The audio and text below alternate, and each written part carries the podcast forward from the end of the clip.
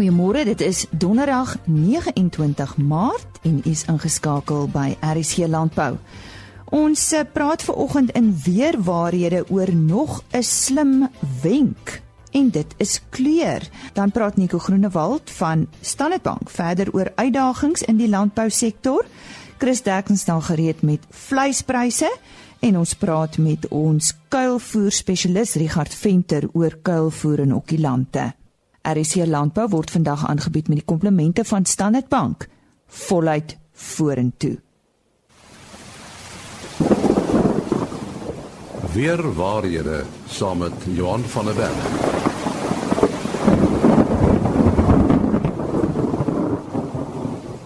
Ja, soos jy gehoor het, is dit al weer tyd vir weer waarhede saam met Johan van der Berg van Santam Landbou.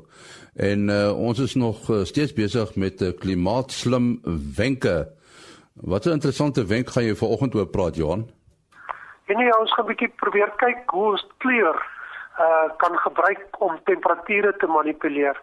Nou een van die goed byvoorbeeld is as jy 'n ligte kleur verf op geboue se dakke, uh die wit weerkaats hitte en die swart absorbeer. So die dakke uh, van van groter geboue as jy hulle wil koeler hou uh in die somer 'n ligte kleur kan tussen 5 en 10 grade Celsius verskil veroorsaak. Ehm um, byvoorbeeld uh as 'n mens in sneeu gaan loop of so, uh dit weer kaats lig en kan 'n mens blind maak. En so ook wit sand as jy op die strand gaan sit, al het jy 'n sambreel uh wat die son van bo af keer, die wit sand weer kaats die hitte of die straling en 'n mens kan sonbrand kry of sonbrand opdoen as gevolg van die terugkaatsing vanaf die oppervlakte. Nou soos ek sê in, in terme van van die toepassing in landbou, uh ook 'n wit of ligte grond. Ehm um, sit as dit ligter kleur is, is koeler grond. So mens moet nie te vroeg daar 'n plant nie. Uh jy kan baie makliker skou koue skade kry as donkerder gronde. Uh in in terme van diereproduksie dieselfde. In baie warm dele van die land is donker diere, donker gekleurde diere ongewens want dit kan die hittelas baie verhoog. Aan die ander kant kan te ligte velle weer sonbrand en kankers opdoen. Uh en is 'n goeie middeweg die kleur van middeweg kleur uh die die beste. Uh in terme van die menslike kleure drag ook Ehm um, dis interessant hoekom kakie kleur boere baie die kakie kleur dra en dit is nie om politieke redes nie. Uh, dit is uh die beste teen hitte uh want dit absorbeer nie die hitte van donkerder kleure nie en uh, weerkaats meer hitte. So dit is 'n baie meer vriendelike of 'n hittevriendelike drag. Uh motors ook. Uh as ons sien in Suid-Afrika hoe min donker kleur motors is hier teenoor wit of ligte kleure dan kan jy sien uh dat dit ook impak daarvan.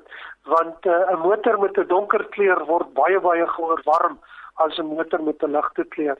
So eh, deur gebruik te maak van van slim uh kleurkeuses kan 'n mens die temperatuur manipuleer van geboue, uh motors uh en dan ook gronde en 'n mens kan nogal 'n uh, redelike voordeel daar uittrek as 'n mens gaan kyk na verhitting of verkoeling uh en die tipe van goed en ook plantdatums uh in sekere gronde.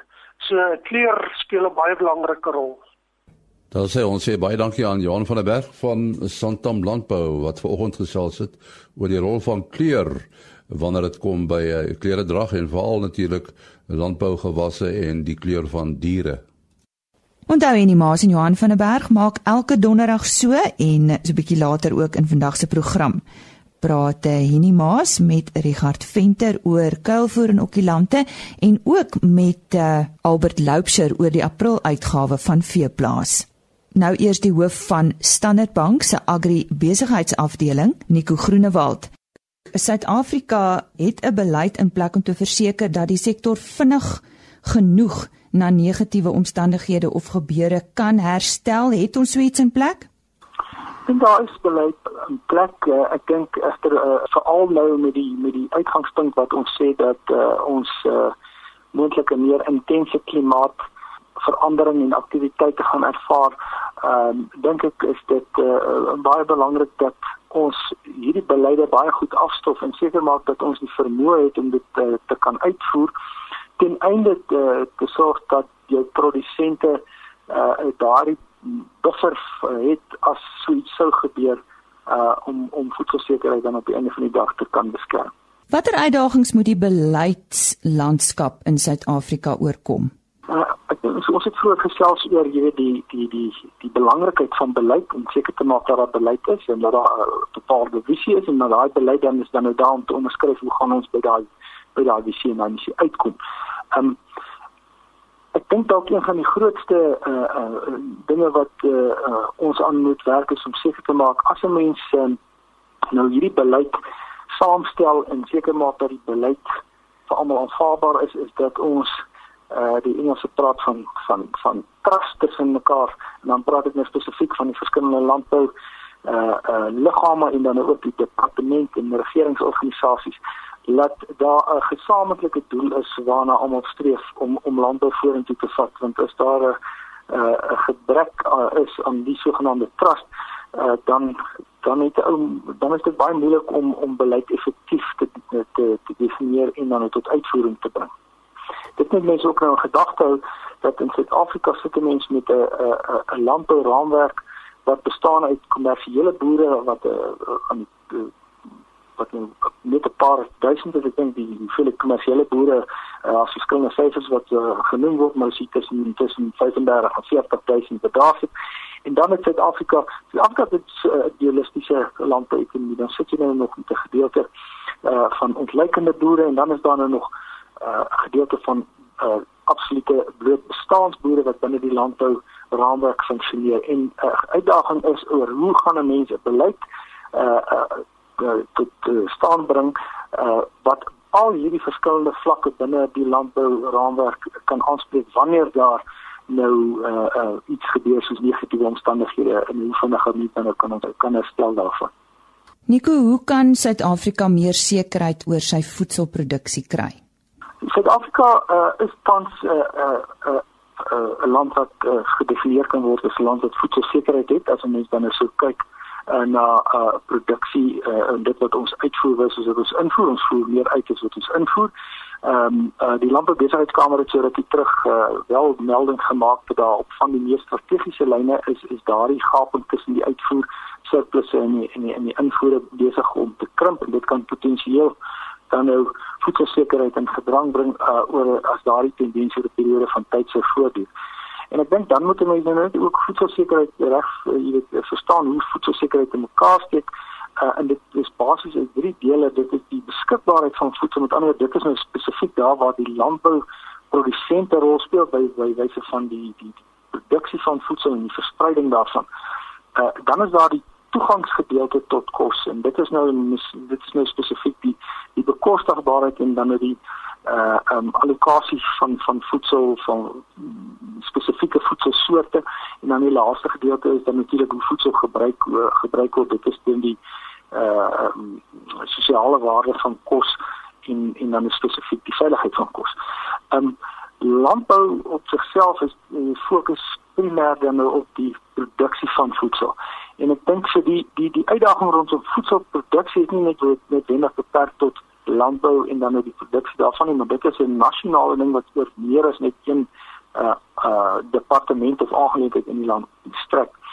Uh want dit is so dat uh daar nog uh iets soos 14 miljoen mense is wat uh tussen 12 en 12 en 13 miljoen mense is wat wat nie seker is waar die volgende uh, voedsel of ete vandaan gaan kom nie ek terwyl ons sit met sit so ek dink dit is 'n hele waardeketting benadering wat uh, uh, gevolg moet word om seker te maak dat ons uh, voedselsekuriteit in sy totaliteit verstaan en dit kan aanspreek.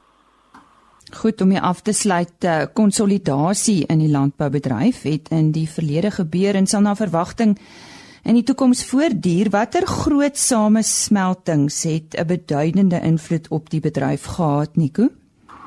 Man ek ek dink uh, as dit uh, soos ek vroeër sê, 'n konsolidasie uh, is nou maar 'n uitvloeisel van van die uh uh, uh druk wat op winsgewendheid is en dan nou ook die die aanwending van die ekonomie van skaal. Maar as mens nou van van groot konsolidasies praat, ek dink die mees algemene is seker en dit is nou op, op globale vlak is is is uh goed wat 'n rol gespeel het is is die konsolidasie of die samesmelting tussen uh, uh, uh maatskappye soos Monsanto en en uh, Bayer Crop Science uh, uh die pond wat jy weet met Dow Agri Science uh, gesels en gesels het en by mekaar gekom het Syngenta en Chem China wat in mekaar kom daar speel wesenlike rol uh op globale vlak en dit het ook 'n impak op wat in Suid-Afrika gebeur.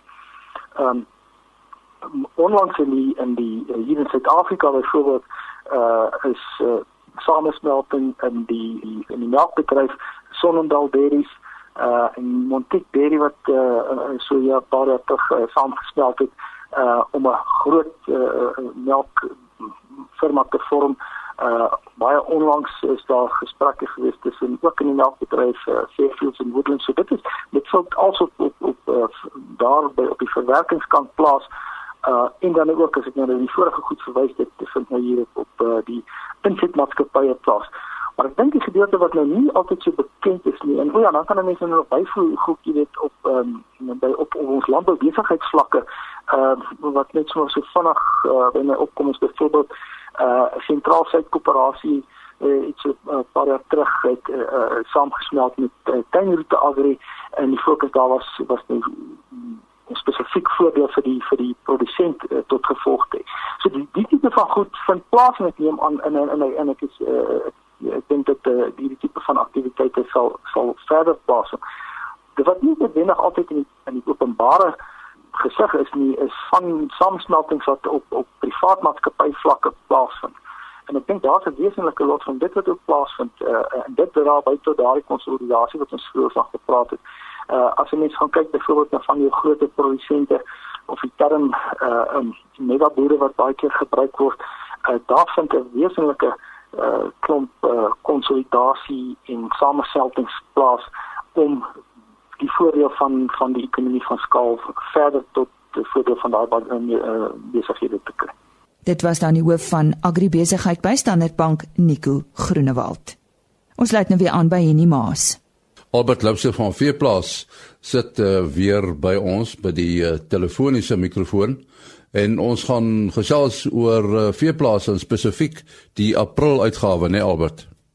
Dis reg, Henny.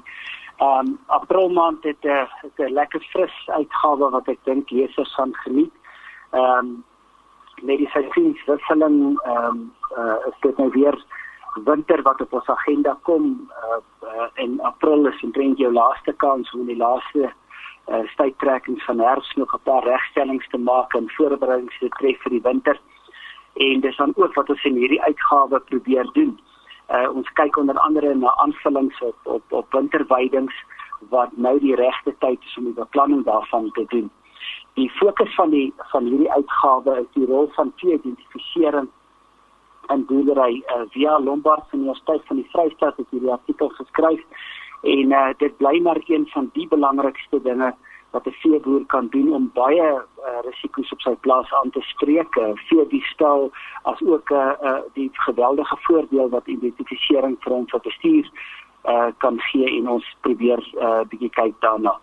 Dan kyk uh, Frikkie Marie 'n uh, bietjie na die 18 2018 en 19 begroting en die invloed daarvan op landbou. Ek dink uh, ons moet voorberei wees daarop dat ons 'n nuwe bedeling het rondom ons ekonomie met die uh, uh nuwe regering en uh dit gaan belangrik wees om seker te maak dat uh landbou die die regte interpretasie van die nuwe begroting doen veral wanneer uh uh die die verandering in BTW afgeneem word. Dan in die rooi vleis uh afdeling het um, het Isak 'n uh, baie goeie artikel geskryf uh besoekartikel by Bertusburger die nasionale veeboer beesboer van die jaar uh uh, uh bietjie gaan kyk wat wat uh, hy doen en en hoekom hy so suksesvol is. Ek dink 'n artikel wat wat veeboere baie gaan geniet. In die voedingsafdeling is daar 'n goeie artikel wat hom Andrius Gout geskryf het oor uh, uh hoe die droë tydperk vir die vir 'n melkkudde uh goed bestuur kan word uh, uh tussen laktasies dat jy seker maak jy die maksimum uit uh die koe, jou koeie kan kry met die aanbreek van die volgende uh uh laktasie.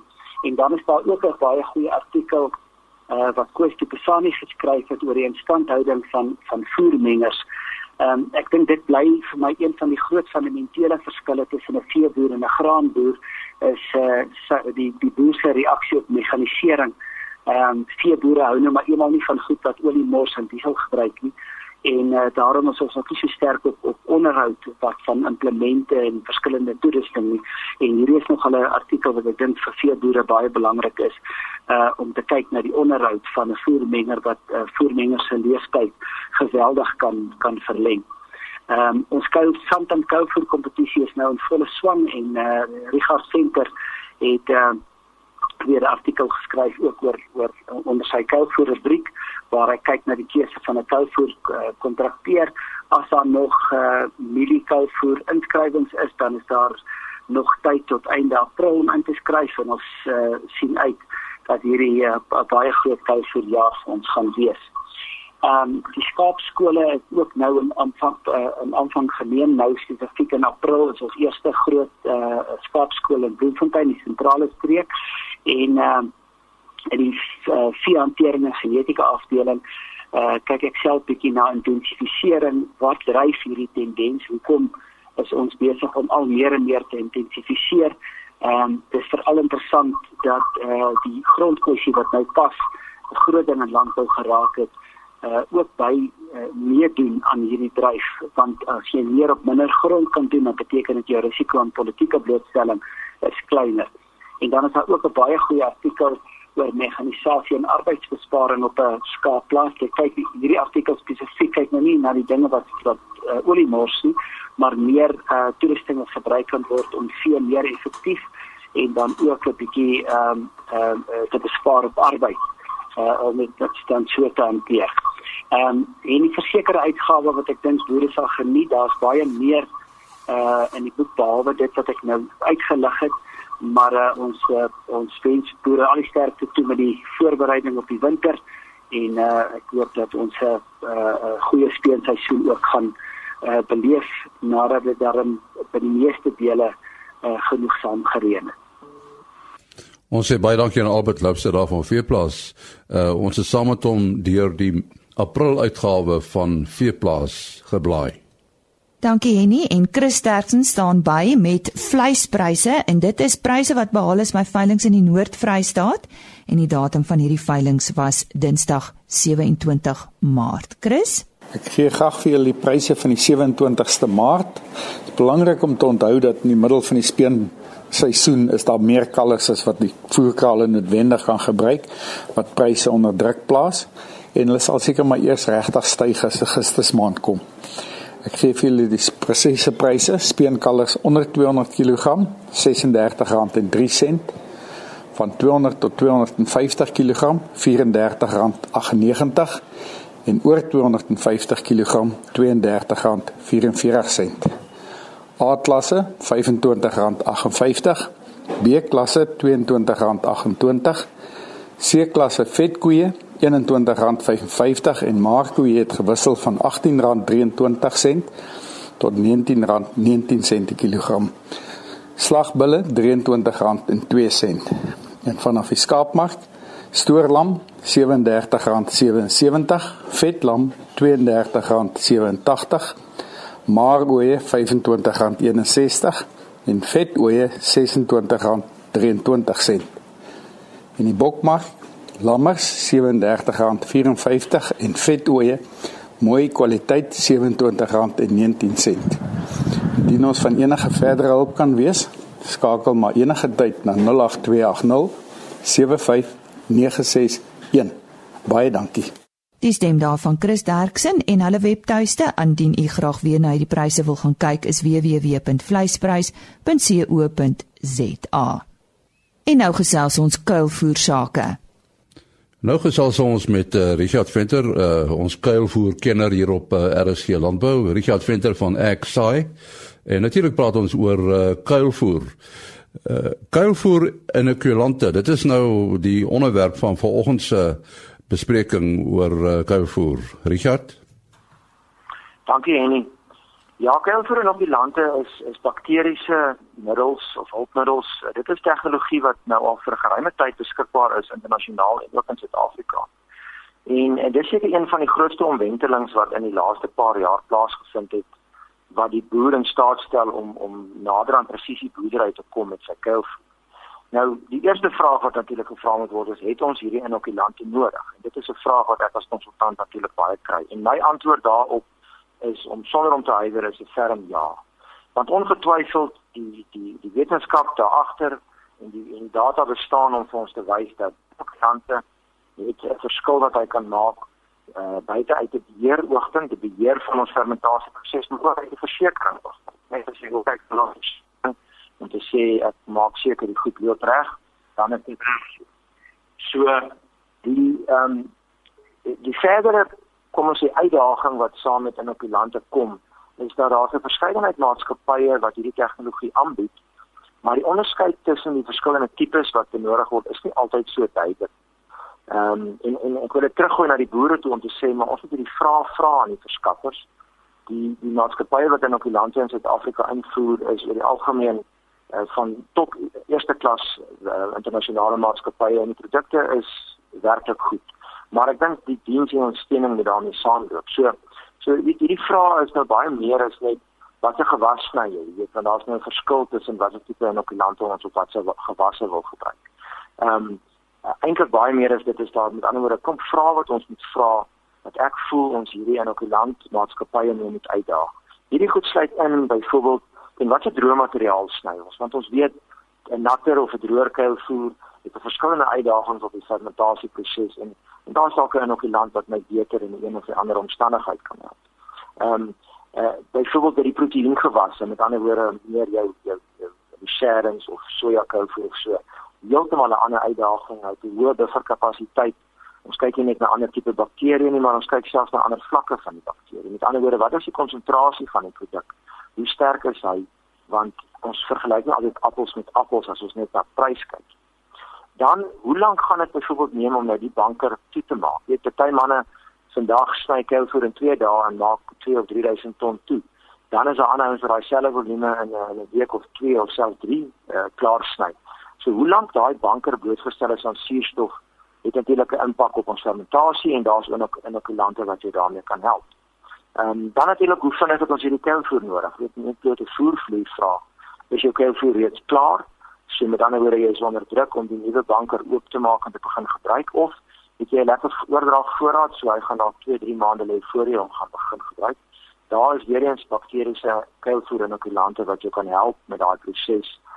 En natuurlik moet ons vir mekaar sê wat is jou vlak van bestuur? Want ons moet ons moet realisties wees daaroor en sê maar jy weet as ek 'n baie groot banker het en 'n stadige uitvoer tempo byvoorbeeld en my my insig op die bestuur van daai banker se gesig is nie so groot nie of so goed nie. Ehm dan is daar inokulante wat ons kan help byvoorbeeld met stabiliteit en so aan. Dit vat natuurlik nie die vereiste van bestuur weg nie. Dit dit is verseker nie 'n vervanging daarvoor nie. Dit kan net ware toevoeg op jou omstandighede. En ek dink dan laastens die uh, baie belangrike punt is is produkondersteuning. Ek dink daar's te veel in in my opinie maatskappye wat inokulante bemark wat jy eenmal 'n jaar sien en dis wanneer jy jou order uh, jou bestelling kom aflewer. Ehm um, ek wil hê daar moet naverkoopte diens wees. Uh, ons het 'n klomp top veekundiges wat in hierdie maatskappye werk en hierdie kennis, hulle toegang tot addisionele kennis deur hulle verskaffers. En jy moet daarop aandring dat hulle terugkom na jou plaas deur die loop van die jaar, miskien terwyl jy kuilvoer maak, kom seker maak jou toediening is reg, die produk word reg opgelos en aangewend uh 'n paar goedjies op jou kelvoerbanker miskien te kom vir jou waarde toevoeg om te meet of te kyk of die dinge regloop. En dan hierdie jaar moet jy kan kyk na die resultaat. Dis tog uiteindelik die die resultaat van daai produk is mos nou die klaar kelvoer. En ook hierante, dit is uh, waaroor Richard Venter van Exai gepraat het vanoggend in RC Landbou. Ons sluit ver oggend se program af met 'n onderhoud wat ons medewerker in die Noord-Kaap, Koos de Pisani, met Dr. Rolof Botha gehad het oor die ekonomie en landbou. Hierdie onderhoud is opgeneem tydens die RPO Noord-Kaap Kongres. Dr. Botha, in jou uh, praatjie het jy uh, onder andere gesê dat die ekonomie is kerngesond. Op grond daarvan sê jy dat die ekonomie kerngesond is op hierdie stadium. In die eerste plek is ons staatsskuld BBP verhouding is net oor die 50%. Dit is minder as die helfte van Amerika se. En die feit is dat hy het gestyg die laaste klompe jare, maar dit het met omtrent elke ander land in die wêreld gebeur. Die belangrike ding is om hom nou hok te slaan, hierdie stygende tendens en dit het ons nou in die begroting gesien. Ons het werklik 'n goeie begroting gehad in die sin dat die regering wag moet aan die dag gelê het om die BTW koers te verhoog. Dit is wat die kredietgradeerders wou gesien het. Ons sit met 'n situasie waar inflasie nou in 13 maande se tyd met 240 basispunte gesak het. So dit is onvermydelik dat rentekoerse gaan daal. Wat beteken dat verbruikers kan 'n klein bietjie meer geld spandeer. Ons betalingsbalans is kerngesond en die sakevertroue van die Kamer van Besigheid het ook reeds omgeswaai. Daar is daar's weer meer hoop. Daar's ons dit is baie duidelik deur die nuwe president gestel dat ons gaan ekonomiese beleid nou begin navolg wat vriendeliker is teenoor die sakeomgewing en waarskynlik die landbou ook in die algemeen ten spyte van die die vrese rondom grondonteiening.